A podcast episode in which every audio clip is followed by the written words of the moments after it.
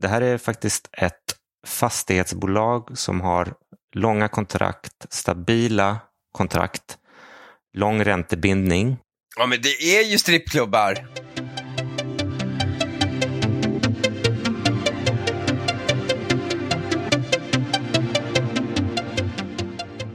Men vi sågs ju i veckan på Nordnet Live. Ja, det var kul. Gud vad livrädda alla är. Tänkte du förresten på att uh, ditt intro när vi gick fram var ungefär som Gaddafis titlar jämfört med mitt intro? Tack för att ni tittar på Nordnet Live 2023.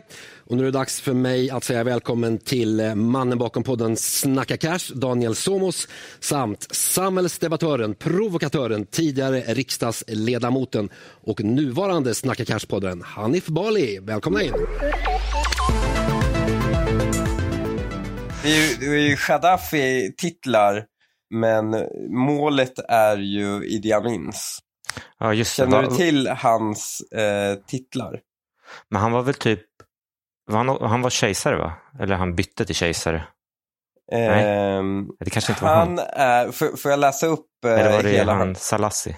Ja. Ja. Eh, Han är His Excellency President for Life Field Marshal Al-Hajj Dr. Idi Amin Dada VC, alltså Victory Cross DSO, Distinguished Service Order MC, Military Cross Lord of all the beasts on earth and fishes of the sea and conqueror of the British Empire in Africa in general and Uganda in particular.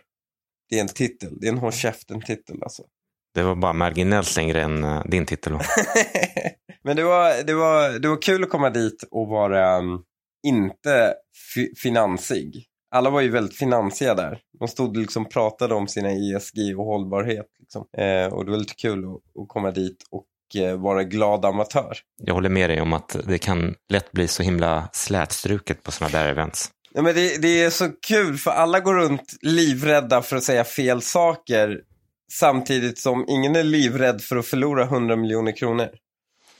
Jag, jag, jag vet inte om det är någonting i finansbranschen att alla man möter så tänker man att den här personen kan jag möta i en framtida affär om någonting och då vill Ja. jag inte säga någonting som kan förolämpa den så är det bäst att liksom inte ha en stark åsikt åt någon riktning.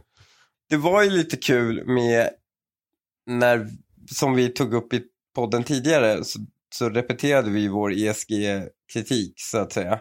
Mm. Och eh, liksom on camera, så när vi drog det så var alla väldigt seriösa. Och i bakgrunden stod folk och typ gjorde high fives. Ja, men var det inte någon som kom fram till dig och bara, ja men jag, han, sa någonting i stil med så här, jag, jag håller med dig egentligen men Ja. jag kan inte säga. Ja, men så, så är, jag är liksom van vid den kommentaren sedan jag började tycka typ om migrationsfrågor och sånt. Då får man höra det och nu kommer jag in i finansvärlden och så får man höra så här, jag håller med dig men jag kan inte säga det. Jag var, på en, jag var bjuden på en eh, jävligt schysst företagsfest eh, på min svågers företag och eh, då hade de en eh, rapartist där på kvällen. En svensk eh, rapartist. Han, eh, det lät ungefär som gangsterrap fast det var liksom, det var liksom ingen klick-klick-ljud. Det var Mhm. liksom bara schysst. Han hette Seus. Eh, ganska, helt okej låt faktiskt. Mm. Vente vad heter den. Men han hade, jag tror det var hans polare som stod eh, liksom bakom honom och medans den här, han var, han, jag tror det var han, första gången han framförde låten och hans polare var liksom, det var nästan roligare att kolla på polaren än honom för han var värsta hype man. Liksom han typ Ja. sjöng, sjöng med texten, du vet, gjorde eh, handsignaler. Alltså jag tänkte, fan vad coolt det vore att ha en sån hype man när man gick på så här vanliga möten. Jag kan vara din hype man. Ja, men typ så här, du sitter i en förhandling och säger typ, äh, ja, men, ja, men det där bolaget är inte, det är inte värt så mycket och så kommer en kille bara, yeah, he told you. ja, ja, men jag är ju det. Jag lär ju mig allting från dig, suger upp det, repeterar det. Jag är Men- din hype man. Ja, men, vi hade två väldigt bra hypemans på Nordnet Live, oplanerat. Hade vi? Jag gick in här och lyssnade efteråt. Jag ska spela upp för dig vad Peter Benson och Jan Emanuel sa efter att vi hade gått av. jag tror inte vi riktigt hörde, hörde vad de sa för vi var liksom på väg ut med en Ja. gång. Eh, Om jag får utveckla en annan grej så tycker jag det här med story var väldigt intressant som Daniel lyfte fram. Jag, jag känner Daniel och tycker han är superduktig. Ehm, eh, jag menar att alla aktier är ju storyaktier. Det är bara det att storyn kan vara, i en värdeaktie så kan storyn vara väldigt negativ, vilket då förklarar det här eh, låga, den låga värderingen. Eh, och omvänt. Men det är ett jätteviktigt perspektiv som väldigt många eh, missar. Skulle jag säga. Så det var bra att du lyfte det. Men, men det som är lite lustigt nu, jag brukar aldrig säga snälla saker om Han- Hanif när han är med. För att, och nu är jag rädd att han kanske är kvar. Men just att, att gå ifrån så här, jag kan inte ett dugg om det här, till att låta som att han är så här, encyklopedin i det hela. Kan tänka dig han som aktie från det politiska, när, när, Feg-Uffe sitter där med sina intetsägande ministrar och bara tittar på Hanif och smågråter. Det tycker jag är lite roligt in i det hela.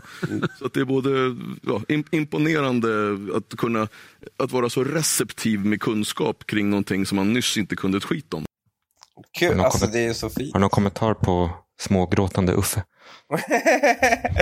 ja, det, är så, det, det, det är väldigt fint av Jan Emanuel sån fin kritik. Eller inte kritik. Men, eh, men han har ju lite erfarenhet av att inte vara helt uppskattad av sin partiledning. Så jag tror han har väldigt stark sympati och empati gentemot mig. Ja, men ni kan gå in och lyssna på eh, Nordnet Live eh, om ni vill höra det. Det var väldigt kul att vara med i varje fall. Jag lyssnade på Ekonomiekot som man Som gör i veckan. vanligt. Det, det Som verkar vanligt. vara... Hur, hur lyssnar du på Ekonomiekot? Är det så här... eh, Nej, jag har den på, som, som po- podd subscription och eftersom den är så kort, ja. typ eh, fem, ja, knappt fem minuter så eh, kan man dra den på morgonen bara. Det är inte så att du står med linjär radio och väntar på att den ska plinga till. Det är på något sätt ändå någon fantasi man har som gubbe, att man står och häller upp sitt kaffe och så lyssnar man på Ja. Ekonomiekot live. Men nej, det blir på, blir på podd, poddversionen. Men det var kanske det läskigaste inslaget jag har hört på Ekonomiekot på länge. Jag ska spela upp det här. Här är Ekonomiekot Extra med arbetsmarknadsreporter Anders Jelmin och Erika Mårtensson. Anders, om vi börjar med siffrorna. Just det, det kom nya siffror då från Arbetsförmedlingen eh, den här morgonen. Eh, om man då tittar på antalet inskrivna på Arbetsförmedlingen så var den siffran 327 000. Och det är alltså den, den, så låg har den siffran inte varit då en enskild månad sedan våren 2009, 14 år sedan. 14 år tillbaka. Det, det är alltså där under den här stora finanskrisen när den började, inte riktigt hade tagit fart. Där var fortfarande arbetslösheten och antalet inskrivna väldigt låg och nu är man nere på den nivån igen. Arbetslösheten är nere på exakt den nivån som den var precis innan förra finanskrisen. Och också, den är innan där den var precis innan förra finanskrisen, vilket betyder att det är ett sämre utgångsläge den här gången än vad det var sist. För nu är den rekordlåg och den är där den var precis innan finanskrisen. Den var ju inte rekordlåg precis innan finanskrisen. För 2009 då, så då, då, då hade den varit lägre. Nu är vi tillbaks på 2009 års nivå. Det, det där är för övrigt någonting som gör, alltså så här, makrodata är så jävla svårtolkat för det blir alltid så här, men sä, säg att, att det finns så konsumentsentimentindex. Mm. Om den är liksom extremt negativ, då är, då är det så här, betyder det att det kommer vara negativt nu eller betyder det att det är nu det vänder? Så det är liksom, all Ja. data går att tolka åt båda hållen. Och det här är samma sak, betyder det här att nu är det så bra det kan bli och härifrån blir det bara sämre? De senaste veckornas snackis har ju varit SBB. Och gud, det, alltså det har varit en sån stark snackis att jag som är Till och med du har hört talas om det. Ja, jag är ju som är utanför bubblan och har ju hängt med i det här. Marknaden-podden som jag har varit med i också, Prata Gaming, där har ju du nu tydligen blivit SBB-expert. Det var på tiden. Rubriken av senaste avsnittet är Hanif Balis räddningsplan för SBB och så här lät det.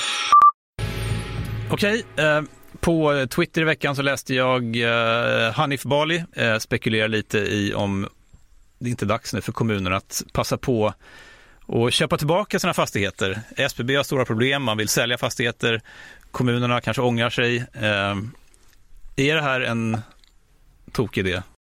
Jag tycker det det är ganska lätt för dig att gå från vara helt utanför finans till att nu vara eh, turnaround-expert och ge råd. Jag, hade, jag tycker han förenklade min plan lite. Det var ju inte att köpa tillbaka fastigheterna.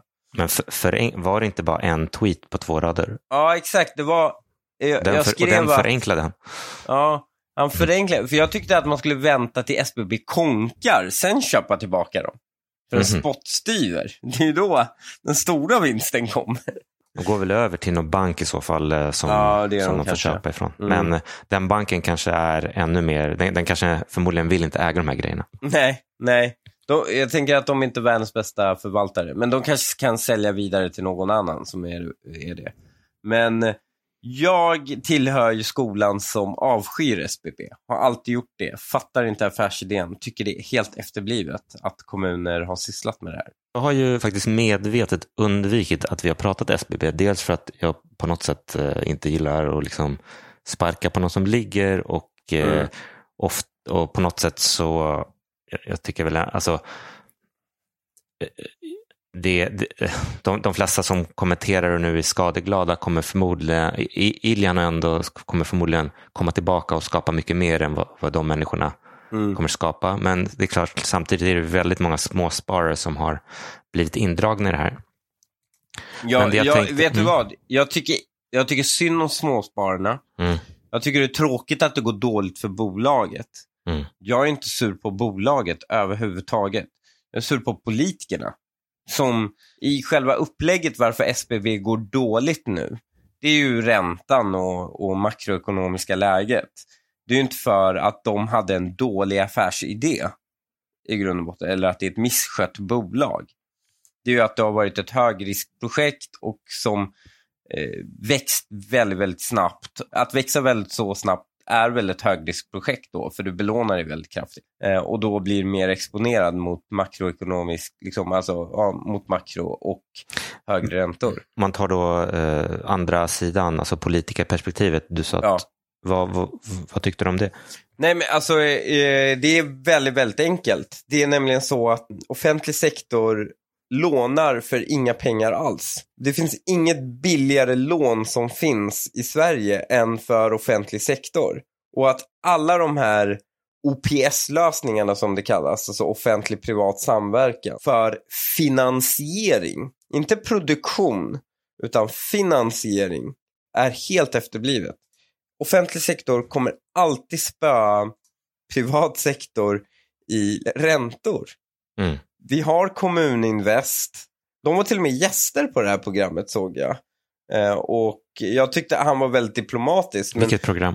eh, I den här marknaden, på den här podden, som tar, tog upp min krisplan för SBB. Mm. Men ehm, jag liksom, jag tyckte han var väldigt, väldigt eh, försiktig i sin kritik mot kommunerna. Men kommuner rekryterar eller raggar pengar alltid mycket billigare än andra. Och om det är så att de tycker att eh, men gud, vi, vi har svårt att få vår verksamhet att gå ihop för att eh, de här fastigheterna, vi är dåliga på att sköta fastigheter, vi är dåliga på att eh, vi har för få fastigheter för att få stordriftsfördelar. Okej, men starta ett kommun, and, gå ihop med andra kommuner och ha ett förvalt, förvalta de här fastigheterna. Alltså, ja, vi har ju det inom till exempel när det kommer till avlopp och vatten är det oftast väldigt olönsamt för en kommun att driva eget avloppsverk. Det är väldigt få kommuner som är så pass stora att de kan driva egna färskvattenanläggningar och avlopp. Så istället så har man sådana här kommunförbund där man sköter det. Detsamma gäller med brandkår och så vidare. Så har man kommunförbund som löser det. Det finns inget som hindrar en att ha gemensamma fastighetsbolag tillsammans med andra kommuner och få stordriftsfördelar.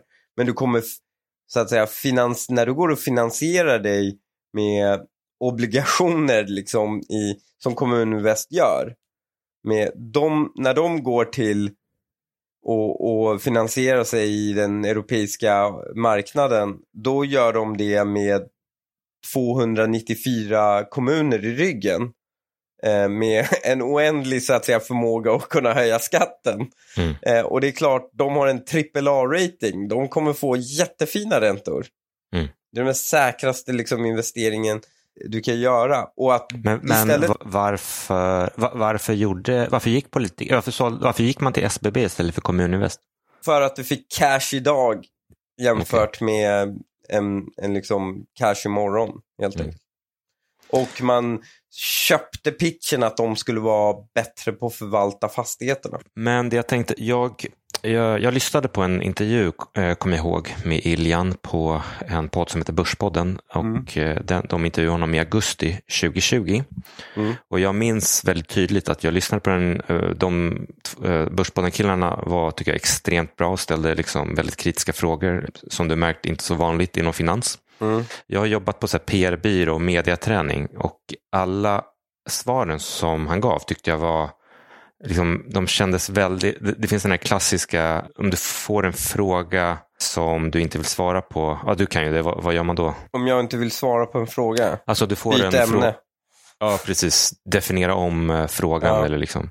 Mm. Jag tyckte han gjorde det rakt igenom och, och det var inte superlogiskt och så jag liksom investerade inte, men det var ju fel beslut för aktien gick ju upp 300 procent efter den intervjun. Ja. Och vi har ju pratat mycket om att liksom, den perfekta investeraren kan ju även köra de här story-casen. Du har ju till och med sagt att vi ska försöka hitta nästa fraud och rida den. Ja. Så jag tänkte, jag har dragit ut en del citat från den här intervjun. Eh, Så kan vi diskutera och få se om, eh, få se, alltså dels kan vi se hur han är väldigt bra på att svara och eh, bygga den här storyn. Och det är därför jag också tror på att han kommer komma tillbaks på något sätt för att det, det, det är han väldigt duktig på. Så det första, det första citatet, det handlar om att han, det fanns ett bolag som heter Rikshem där han var vd Mm. jag ska säga, jag har inte grävt ner mig i det här, men han var tvungen att, han blev väl kickad därifrån och det var någonting om eh, att han hade gjort någon egen affär eller så vidare. Och han får en fråga om det här och han är otroligt bra på att liksom vända eh, frågan till eh, liksom sin fördel. Men hur, hur ser du på, för du fick sparken för att du, du, det var någonting med egna affärer som du inte hade informerat styrelsen om bland annat. Eh, hur ser du på hela den där eh, historien idag? Ja, men den, den var väldigt, den, den, var- är väldigt lärorik och, och det, den är faktiskt det är faktiskt bakgrund varför jag lärde mig av Wallenbergarna och såg till att ha A-aktier i, i SBB. Därför att man får aldrig låta tjänstemännen köra en egen lekstuga. Då, då, kan, då kan det gå åt pipan. Därför att vi byggde upp ett fantastiskt bolag och, och sen blev de statliga tjänstemännen eh, eller eh, försäkringstjänstemännen eh, oroliga. Och, och, och, det som var tur för mig var att man också gjorde en utredning där jag friades fullt ut och, och, och också tack vare det kunde få med mig väldigt mycket, mycket investerare som ville vara med framåt på resan. Mm. Det var ju mästerligt tycker jag. Mm. F- Det, var en positiv grej att bli anhållen för grovt insiderbrott. Nej, det här var inte insidergrejen faktiskt. Var det inte? Jag vet faktiskt inte vad som hände, men en intressant grej är att han tar upp eh, att liksom det här motiverade honom till att ha hög egen rösträtt. Mm, Jag, jag kommer att bara tänka på, jag jag vet att när vdn i Starbreeze också tvingade igenom att han skulle ha högre rösträtt, det var typ då jag började bli negativ till aktien. För det är, alltså att, att du ska ha mer rösträtt som ägare, det är ju i och för sig ganska populärt i USA och Mm. ibland så har det funnits den här grundarkulturen. Men någonstans så säger du att du tror att dina intressen och majoriteten av aktieägarnas intressen kommer skilja sig och därför vill du ha mer rösträtt. Och det är ju lite red flag, men behöver inte vara red Det, flag. det är men... klassiskt svensk. Wallenbergarna älskar ju väl det där. A och B-aktier. Det Ja, det? jag vet, men, men de har ju mer, alltså deras, ja, deras röststarka aktier, de, har liksom inte varit kopplade till en person. Nej. Det är väl liksom mer institutionen, Mm. eh, det vi ska behålla det i Sverige och, och, eh, och så kan vi ta in många ägare. Men i de här fallen som i Starbreeze och SBB, så, då har det ju varit mer att det är en in, enskild individ som eh, vill ha mer makt än övriga aktieägare. Jag tänkte, alltså han och jag kom till Sverige samtidigt. Mm. Ja, men nä, nästa citat kommer just in på den här, uh, han, han är otroligt bra på att bygga story. Här tar han ju upp då sin eh, egen story. Men innan allt det här så kom du från Jugoslavien till eh, Sverige, eller hur? Ja, jag är född och uppväxt i Montenegro och uh, var och bodde i Bosnien. Jag, när jag var ung flyttade jag. Jag läste först matematik i, i Montenegro. Jag brukar säga att jag faktiskt kan programmera Fortran och Cobol så jag kan fortfarande be alla mina arbetsgivare dra åt helvete och, och knacka kod och, och tjäna några kronor för att jag har mat för dagen. Oh my god, det där är min story. jag tänkte faktiskt på det.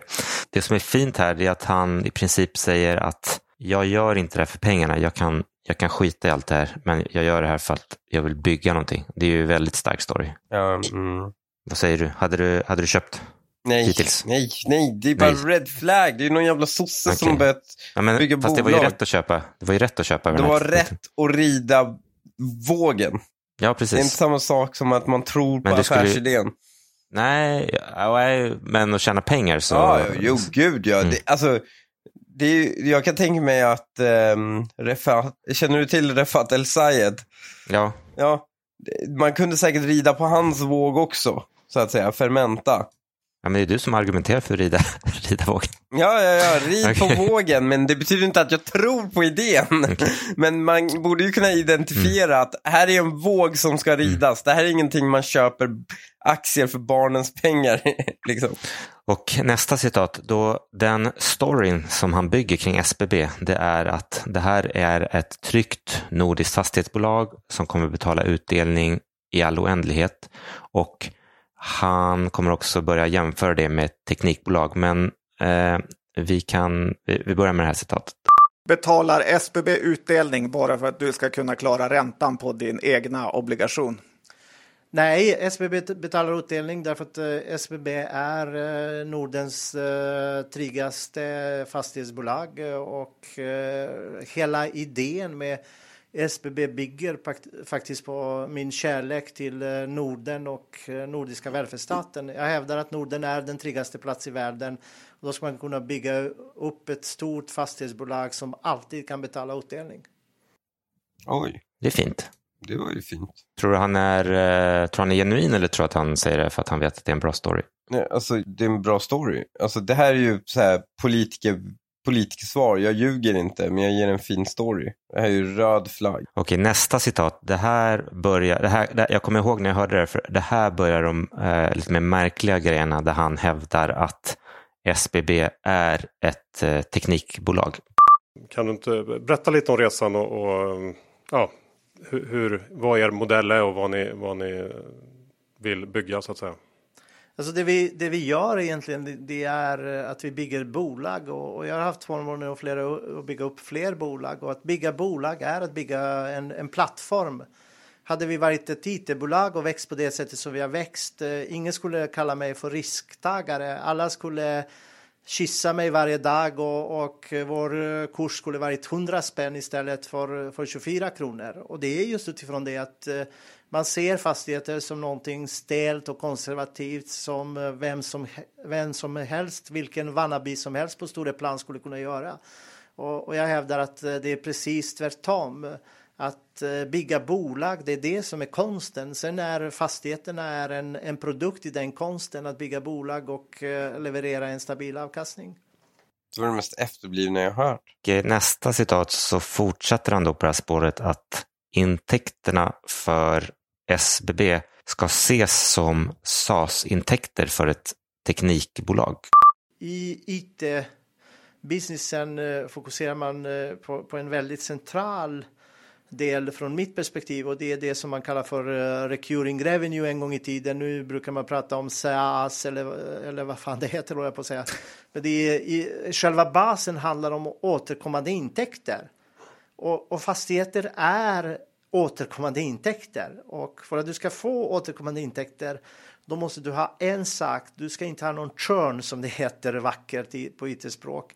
Det vill säga att du ska ha långa fläden. Och, och, det, är det, som, det är det som SBB har. SBB har fantastiskt långa fläden, Vi har ett snitt på, på hyresintäkterna på, på sju år efter de senaste avtalen som vi annonserade efter Q2.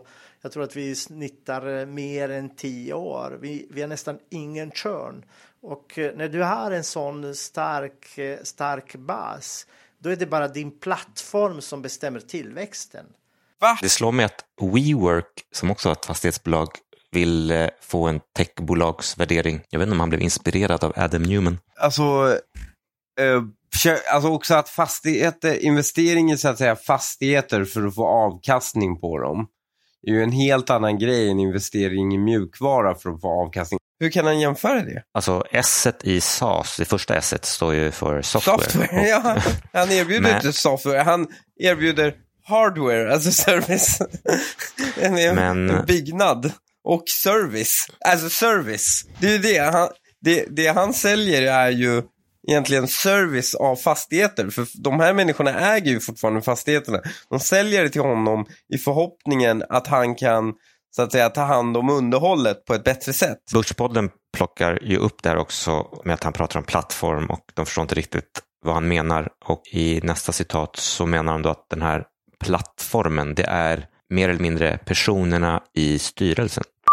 Men vad är den här själva plattformen då? För jag menar, man köper en fastighet, lånar lite pengar och så får man intäkter. Vad är Ja, men plattformen det är, i SBB? plattformen, plattformen är människorna. Det är, om, du tittar, om du tittar på vår styrelse med Lennart Schultz i spetsen, med Sven-Olof Johansson, med Fredrik, eh, Fredrik Svensson, några av de mest framgångsrika fastighetspersoner.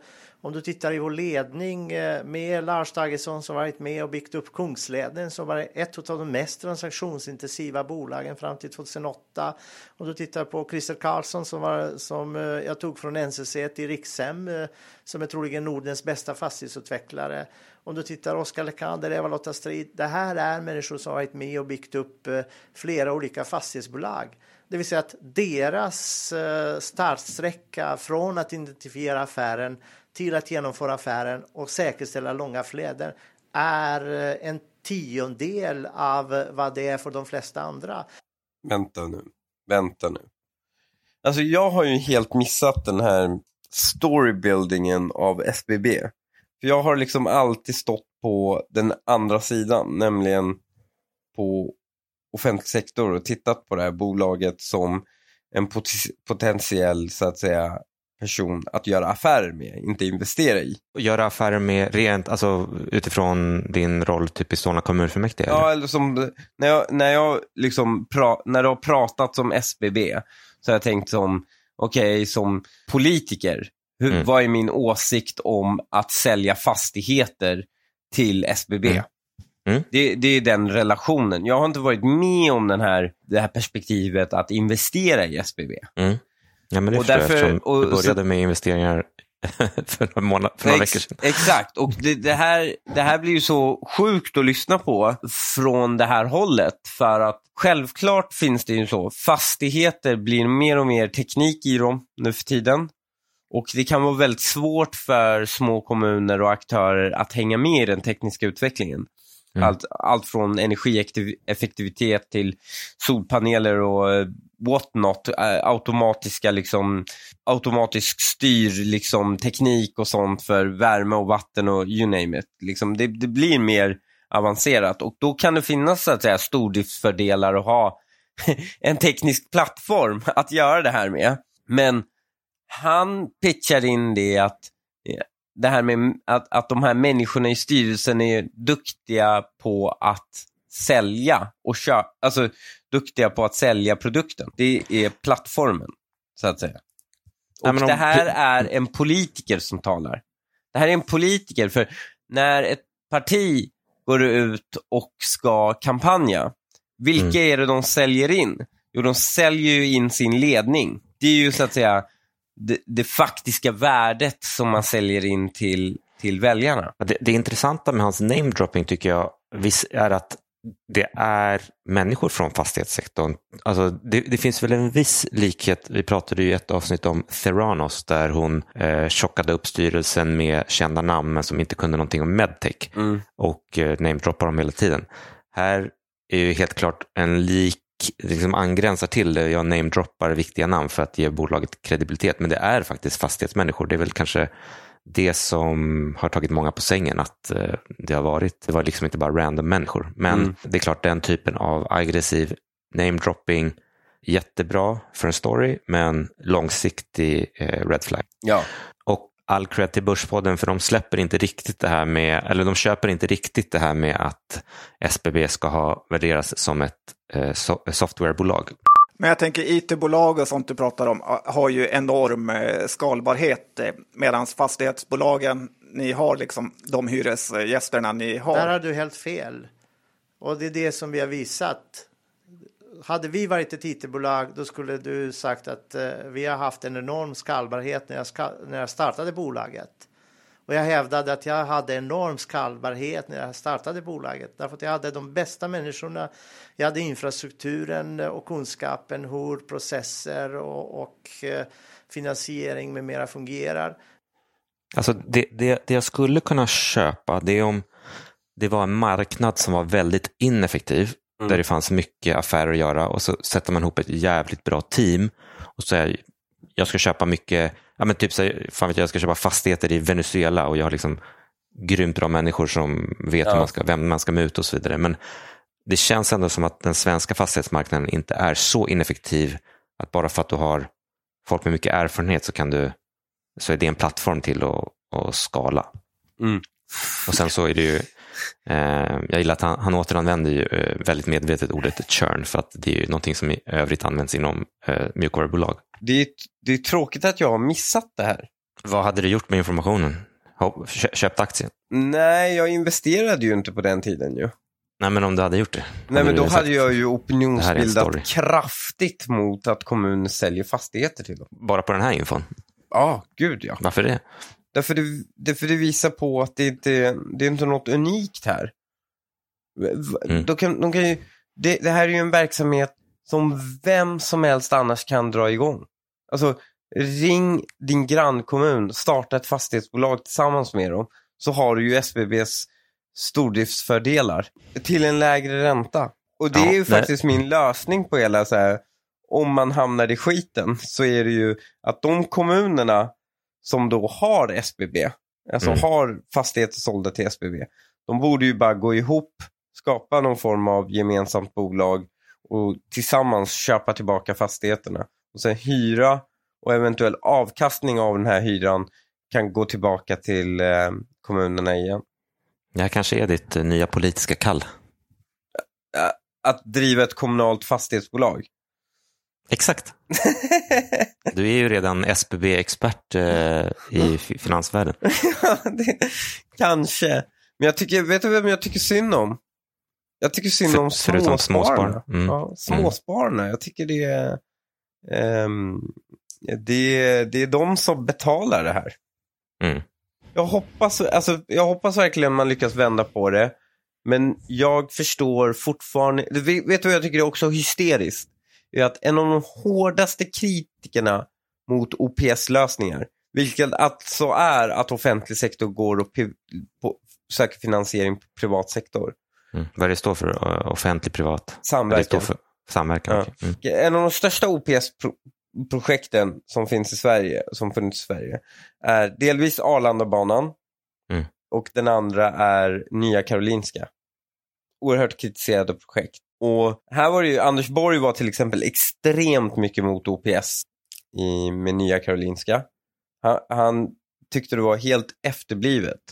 Uh, flera gånger så pratade han med Moderaterna i Stockholmsregions ledning och förklarade för dem att staten lånar mycket billigare än vad Skanska gör. Vad sysslar ni med? Liksom? Men man envisades med det här och eh, en av de största kritikerna mot det då det var ju Ilja Bat eh, Batjan då han var oppositionsråd för sossarna i Region Stockholm. Och han ser det här och sen hoppar han av och så själv startar ett bolag som de facto är en OPS-lösning. Det är att offentlig sektor tar cash upfront och lovar betala det och, och betala av det på sikt. Och det är mm. exakt samma sak som Karolinska. Tror du att liksom hela upplägget har hjälpts av att han var liksom politiskt röd. Ja. Mm. Det är en högersosse som också varit, folk har någon, något minne av att han har varit kritisk mot roffarkapitalism och allt sånt. Och så känner man att ja, men, det här SBB, de, de riktar sig bara till kommuner. Gud vad tryggt, mm. det är ju någon som är stabil här. Det har funnits en sån. Och det har drivits på, väl, jag jag undrar vem det är som har spridit massa myter om att kommuner exempel tror att eh, de inte kan, om de är för högt belånade så att säga på um, Kommuninvest, att de inte kan fort, skaffa nya lån om de behöver göra investeringar. Det är ju en myt. Det, det, de har inget lånetak, Kommuninvest. Nej, men det är väl som i USA, man kan alltid höja taket. Liksom. Ja, exakt. Och jag förstår inte heller hur, hur lösningen på att jag vill inte ta in lån, istället så tar jag ett sms-lån och lovar betala extra mycket ränta och avkastning till någon annan för att finansiera en fastighet. Hittills är jag inte lika kritisk som du, alltså klart i efterhand så kan man ju vara Jag förstår att man kan liksom köpa den här storyn, han, han, är liksom, han har kommit till Sverige, han bygger det här bolaget, han har en sossebakgrund, han ska, de har långa, trygga kontrakt, det är, det är en stark styrelse, de har mycket erfarenhet och de gör, de, man tänker då att de lyckas göra bra affärer. Det är klart att en polisstation kommer stå där i tusen år, det är ju eh, liksom, eh, jättebra idé. Men snart börjar det komma lite mer snurriga citat, så här kommer nästa. Men en annan sak jag tänkt på vad gäller ditt bolagsbygge är ju att eh, förmodligen sitter mycket av värdena i kontraktet.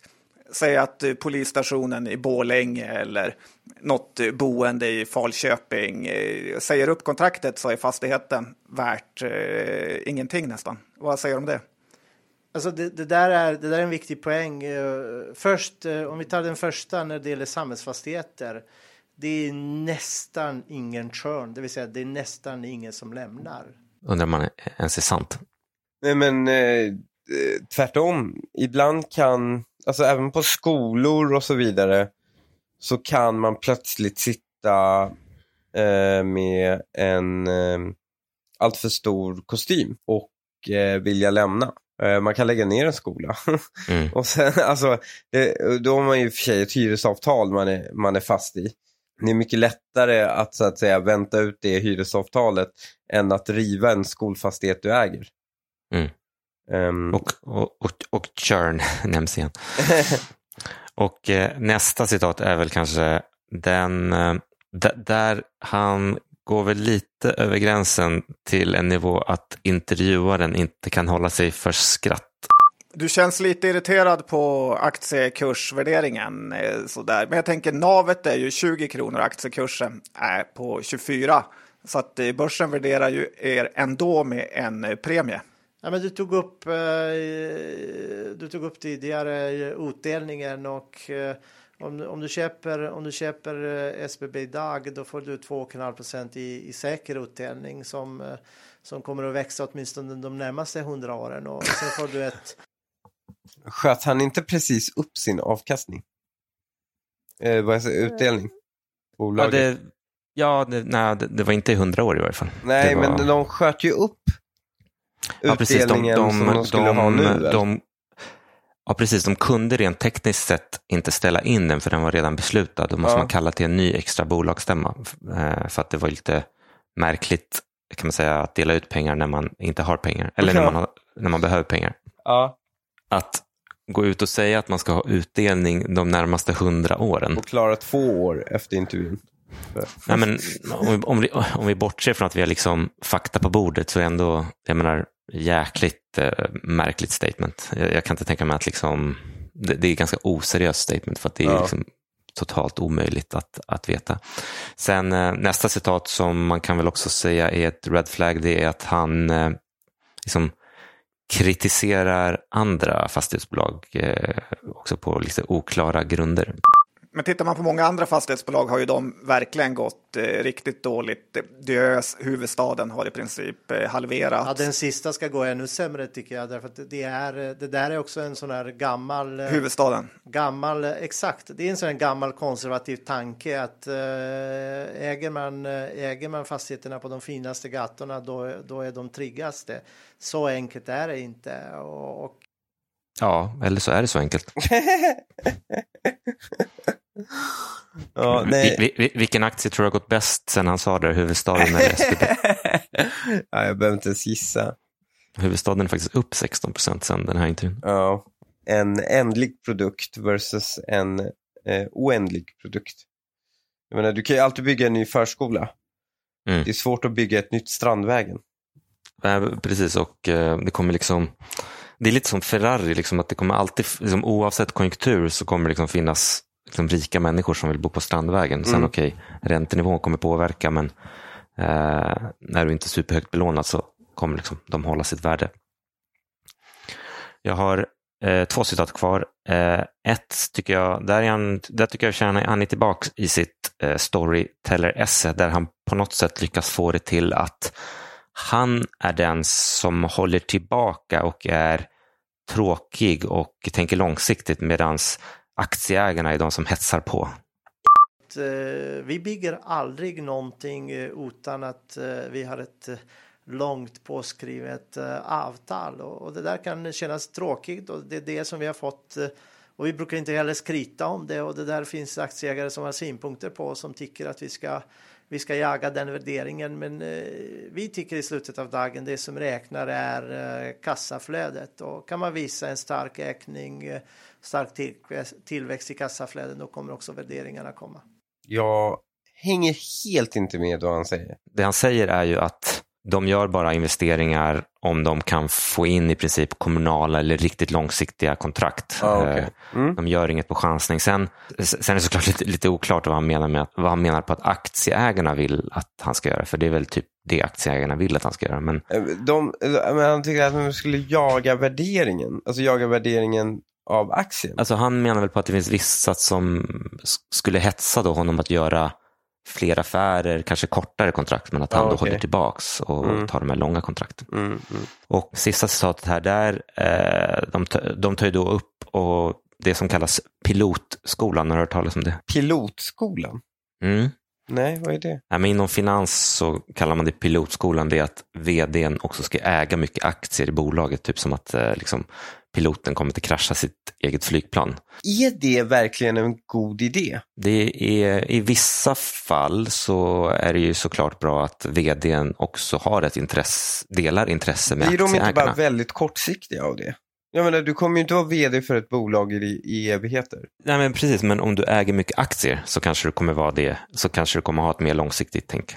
Ja. Alltså, det fun- det Eller funkar- pump and dump som, som, som vd. Du, du äger väldigt mycket, när du slutar likviderar du. Du slutar på topp, Mm. likvidera och sen fuck you det där bolaget så får någon annan städa upp. Ja, men till Ilias försvar så har han mig veterligen inte sålt. Så att, eh, Nej, nej.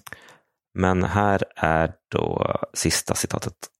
Eh, och, och, och sen känner jag också att eh, jag, menar, jag kan inte komma till, eh, till och, och presentera SBB och tycka att SBB är ett, ett bolag med, med fantastisk potential och sen ska jag själv gå och gömma mig och, och, inte, och inte köpa fler aktier. Det, det, det, det tycker jag liksom. Jag, jag håller helt med dem som, som pratar om om eh, att Pilotskolan. man ska få pilotskolan så att eh, om, eh, om du ser att någon säljer, spring för fan så fort du kan. Mm. Vadå, så där berättar han på något sätt att I'm in this boat with you. Exakt. Var inte orolig. Och det, Jag sitter jag, ska där säga med dig. jag gillar ju pilotkollon. Jag, jag, har, eh, jag, jag har ibland letat efter aktier baserat på hur stor andel ägs av eh, insiders och vd. Ja. Men det är klart, det finns ju fall som Starbreeze och så vidare där det inte alls funkar. Mm. Ja, men jag tänker också om man har stora värden, kanske till och med hela sin egen förmögenhet Mm.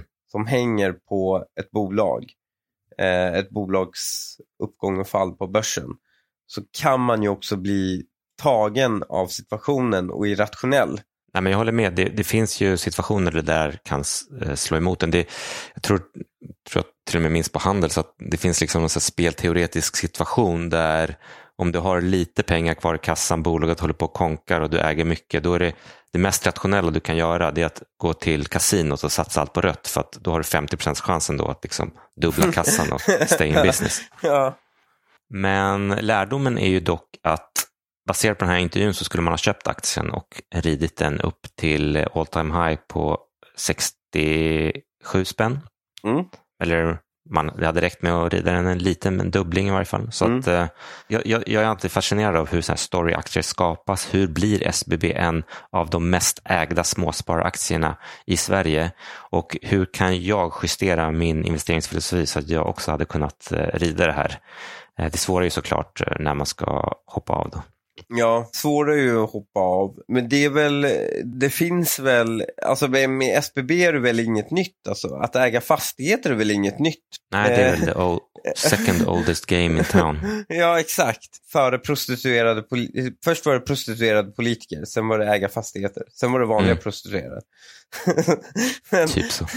det, det är liksom, jag förstår inte, om affärsidén inte är ny, Mm. de erbjuder inget revolutionerande mer än att de har ett varumärke att de, och kontakterna att köpa från kommuner. Mm. Då låter det ju som ett luftslott för mig. Mm. Frågan är Ja. hur kan vi identifiera, är en identifikation att produkten de säljer är inte ny eller unik, men den ökar i alla fall. En annan person som var sämre storyteller hade ju inte kunnat gjort det. Nej. Det är vissa karaktärsdrag som, eh, som svenska börsen gillar att liksom köpa in sig på. Men politiker är ganska duktiga på det där med storytelling. Alltså, vi, jag- har, vi har ju till Mm. exempel um, Ylva Johansson. Mm. Hon startade ett, ett utbildningsföretag, eller IT-bolag. Den växte väldigt, väldigt snabbt, väldigt bra. Och sen så bara ett år senare så kraschar den, alltså jag tror hon drev det i fyra år. Och sen bara um, kraschar den med förluster på 200 miljoner kronor. Jag vet inte om det är för att, alltså, jag, när man har gått mediaträning Mm. eh, så liksom, det, liksom, det första, det för, alltså, nu är ju liksom media ett annat landskap men back in the days då var det ju verkligen det här uh, bait and switch. Alltså, eh, om, du, om du är för, eh, du är för euron och så får du frågan, jag vet inte, säg, säg att du får frågan, eh, kommer inte leda till mer alkoholimport och att folk kommer dricka mer om vi går med i euron. Och då var det liksom, det första du fick lära dig det att du ska säga, gud vilken intressant fråga, men jag tycker det är mer viktigt att prata om den europeiska gemenskapen. Eller liksom Ja, att liksom switcha frågan. Och jag tycker att han, jag tyckte han gjorde det ganska ofta. När man väl lyssnar igenom så svarar han ju inte riktigt på den här plattformen. Men han switchar ju över och säger att det är människorna. Men om du liksom skulle verkligen backa tillbaka det, liksom, okej vad är ett SaaS-bolag? Det är, det är en mjukvara som du kan sälja till fler användare utan att dina rörliga kostnader ökar. Och det är inte så att du kan få in mer hyresintäkter utan att dina rörliga kostnader ökar. Nej, måste Eller, du bygga kåkar? Inte i, inte i samma omfattning som Ja, ett du måste mjukvarubolag. i varje köpa och bygga kåkar då. Liksom. Det Mm. kommer till en kostnad.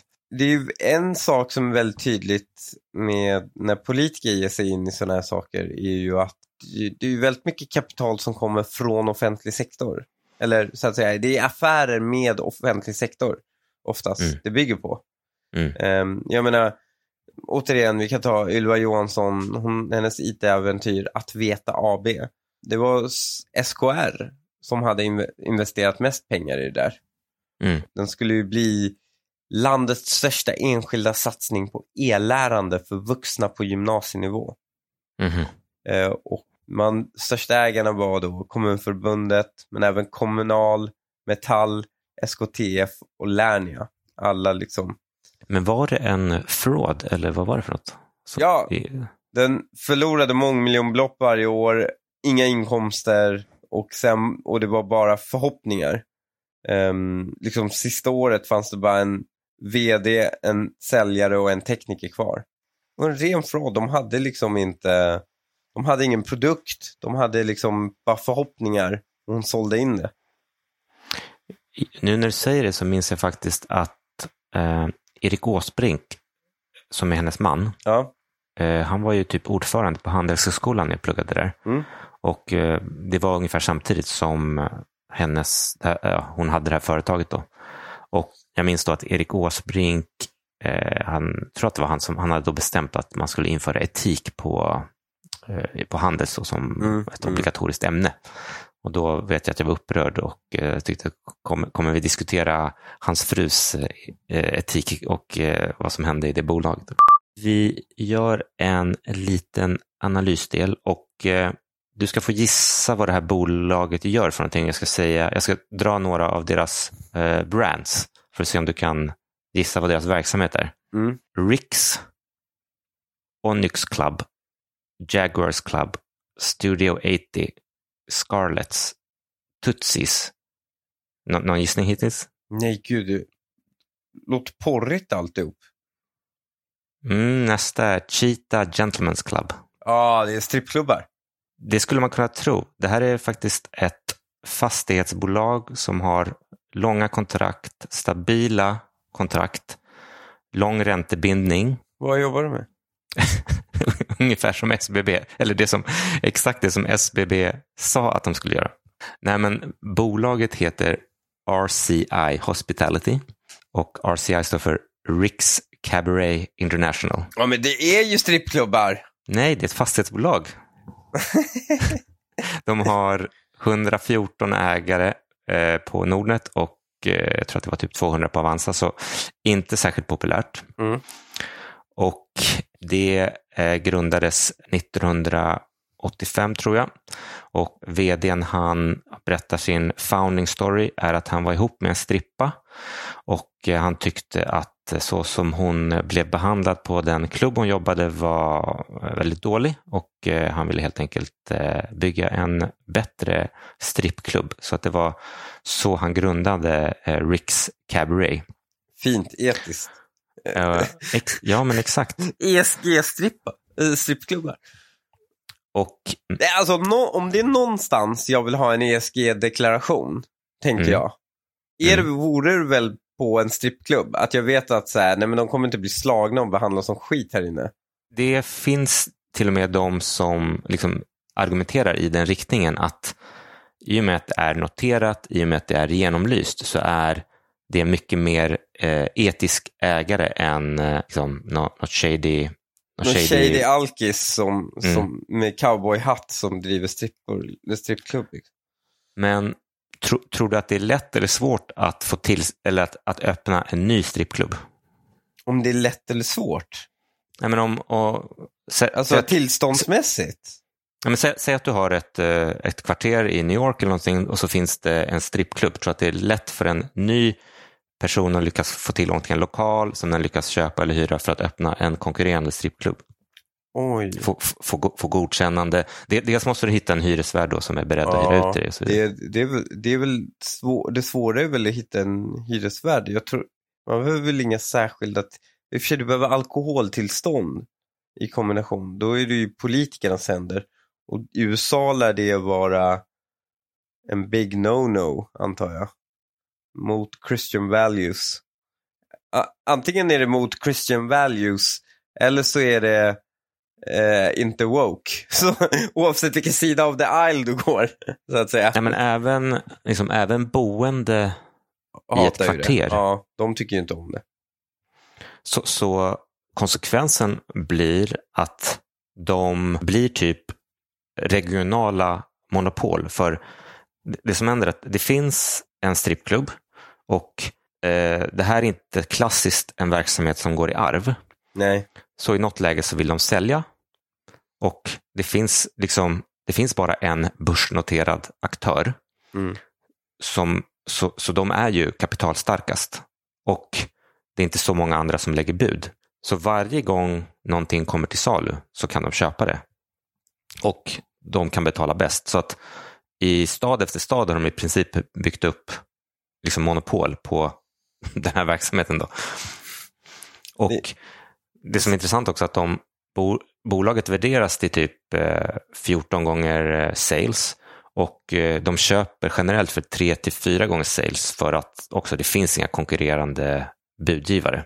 Eh, så att det här är en riktig sån här M&A roll-up som ja, men kanske Embracer eller SBB liksom säger att de är, men det här funkar på något sätt för att det är verkligen så att liksom, ma, ma, jag förstår varför säljarna inte får bättre betalt och jag förstår varför det här bolaget har den värderingen. För att det är väldigt, det är precis som Ilja var ute efter, det är väldigt stabila cashflows Mm. och de vill ju äga sina ställen för att om de är hyresvärd så kan de bli kickade. Så 85 procent av alla locations de har äger de. Så att eh, i princip är de ett fastighetsbolag balansräkningsmässigt som har liksom all men liksom i, i alla deras lokaler så, så råkar det då bedrivas någon typ av strippklubb som de själva då driver. Uh, we do our clubs through acquisition because you know the restrictions are very difficult. Uh, the the mode is is very large. It's hard to uh, go and open new clubs and, and markets.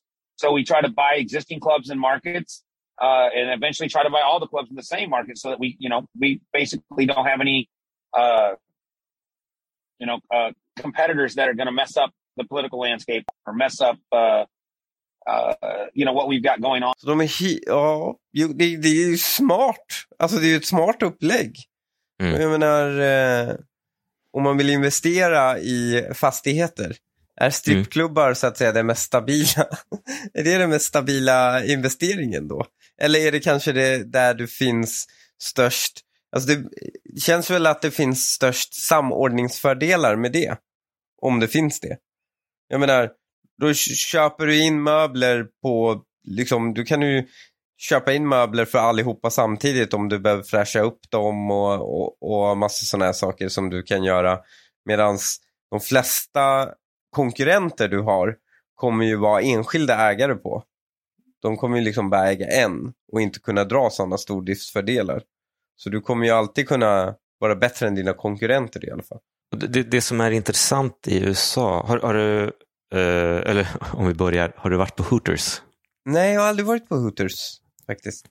Första gången jag var på Hooters och jag var liksom ung och jag, jag, vet inte, jag, hade, ju- jag hade helt annan bild av vad det var än när jag kom dit. Det är liksom extremt eh, osexigt. Ja, men Det är liksom- det, är inte det typ en Applebees fast med tajta t-shirts på tjejer? Ja, precis. Och eh, det är liksom poliser och liksom vem som helst som är där och käkar chicken wings. Och så Ja. det är så familjer. Eh, det är liksom, ja precis, det är typ, de, de har lite, eller jag vet inte fan, de har liksom samma kläder som alla andra. Eh, Mm. Och RCIs klubbar, går, alltså, dels har de ju då en restaurangkedja som har eh, det fantastiska, eller vänta, du ska få, du ska få höra här från deras, eh, det, det är ganska kul att lyssna på så här finansiella conference calls för en strippklubb. Eh, dels är de ju liksom eh, korrekta på något sätt, men Mm. ibland så slinker det in. Men här ska du få höra hur, hur det kan låta. Compared to the first quarter from fiscal 2023, revenues increased 0.3%, driven primarily by acquisitions, while non-GAAP operating margin declined 1.1 percentage points. That reflected the fact that we had two weeks of the Baby Dolls and Chico Locos acquisition, which did not, did not allow enough time for full optimization. Please turn to page nine to review the bombshell segment. Bombshells. Så, så Bombshells är deras nya restaurangsatsning. Ja, Och eh, jag uppfattar att den är liksom mer i så Hooters-stil. Liksom. Ja, exakt. Att, eh, de har liksom eh, en viss typ av hot sauce som bara finns där. Eh, och eh, de kan liksom co-locata de här bombshells med liksom lite casino business och så Mm. som de har. På, på det här, på det här conference, senaste kvartalskonferenscallet så är det en kvinnlig analytiker som är väldigt exalterad över den här bombshells-satsningen. Yes, I wanted to ask you about the initiatives that you have implemented at Bombshells. They seem to be really resonating, and I know part of it is pricing, but what other initiatives have you put into place at Bombshells in the last two to three months? Well, the pricing was at the end of the quarter, so none of the result is from pricing. Uh, a lot of it is just, you know, we always call it, I always, or I always call it getting back to the basics. Uh, you know, teams get lazy or teams get complacent, and so we have to remind them to get back on the basics. That's getting back on social media, getting the girls on TikTok, getting the girls on Instagram, getting out there and, and you know, taking the girls to promotion events, whether it's a basketball game or a, you know, go going hitting, you know, all the automotive cars. Så eh, de har eh, fått fart på sin revenue genom att tvinga ut tjejerna på TikTok. jag sitter och går igenom deras eh, hemsida, Bombshells. Mm. Ehm, Restaurangen eller restaurangen. RCI? Mhm. eh, restaurangen som RCI äger. Mhm. Ehm, och det, är ju, det, det är ju typ O'Larrys meny. Eh, Mm. Med spiceat lite bilder på personalen. Som, Mm. ja men det är någon med en djup urringning. Det är, inget, det är, det är inget Alltså det ser, som, eh, det ser typ ut som Fridays. Ja, det är Fridays med en djup urringning. Eh, men det som slår mig är att de är ganska dåliga, hemsidorna. Det, den kunde ju pushat så att säga vad som är the unique selling point mycket, mycket mer aggressivt än vad de gör. Eh, men det verkar inte vara så att det är via deras hemsida så att säga de säljer in produkten utan det är kanske via sociala medier de gör det och sen lägger de inte så mycket tid på hemsidor. Jag lyssnade på en intervju med vdn där han sa att eh, eh, han berättade att eh, de historiskt sett har eh, haft liksom väldigt dålig liksom erfarenhet eller man får inte så mycket uppmärksamhet på vanliga investerarevents. Men på finans-Twitter nu så har det tagit riktigt fart säger han och eh, han, han säger också att vi ser väldigt många kunder komma till oss via finans-Twitter. Att de först, först blir intresserade av aktien och sen kommer och besöker som kund. You know, we've been trying for 25 years to use, you know, investment banks and, and analysts to get our message out. And we just, it, it, we just don't reach that many people.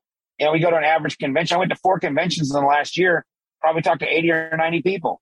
We had, you know, almost 3,000 people on the earnings conference call. Uh, we just did a Twitter spaces, uh, a debate between a short, uh, someone put a short report out on the company and we, so we said, well, let's debate on Twitter spaces. I was on and that. He agreed. Were you? Okay, great. So you know, uh, you know, and it's great. So there were 4,800 people that listened in on the call. I think the highest at any one given time over the two hour period was just over 900. Uh, and then, uh, in the first six hours, it had 10,000 replays. I haven't, uh, I haven't looked to see the current numbers, but, uh, you know, when you think about the sheer number of people, uh, that we're reaching out to, and especially in the, in the FinTwit community, who really kind of embracing us a little bit, you know, but it's funny because you got shorts and longs in that community. So the community overall is is is is, is debating the Ricks, right? So I, I mean, I just think it's great. It's got people talking about us. But what's really amazing is it's putting people in the clubs. So it's bringing people from Twitter into our brick and mortar business, uh, which you know to me is is absolutely fantastic. En annan, en annan kul grej med den här vdn faktiskt är att det finns en bok som eh, heter eh, The Outsiders mm. som eh, handlar om eh, liksom, eh, vd som är exceptionella. Det är väl liksom, om man är så Warren Buffett-investerare så tror man att de gillar den här boken. Och han, jag, jag har aldrig träffat någon vd som så, som älskar den boken så mycket och nämner den i varje konf-call och varje intervju. Och eh, ungefär lite som spritbolagen så är de liksom finansmatematiskt är de sjukt duktiga. Liksom. Capital allocation, sjukt hög disciplin, jättetydliga regler. När ska vi, vad ska cashflow yield vara för att vi ska motivera aktieåterköp? Vad är vår benchmark hurdle rate för nya investeringar? Och eh, eh, Så att liksom, om man är en sån här value Warren Buffett-investerare så eh, och kan bortse från, eh, om, man tycker businessen är okej, okay, men så, kan man investera. Och sen så kan man ju faktiskt också Alltså I ESG-termer så, så kan man också hävda att det är netto bättre att de här köper S-shade istället, för de här är säkert betydligt mer uppstyrda. Everything we do is about our capital allocation strategy, which is similar to those outlined in the book The Outsiders by William Thorndike. First and foremost, the goal of our strategy is to drive shareholder value by increasing free cash flow per share by at least 10 to 15% on a compound annual basis. Men det här är ju också, de är också, de, de har inga, jag kan tänka mig i och med att de, det är så populärt med ESG.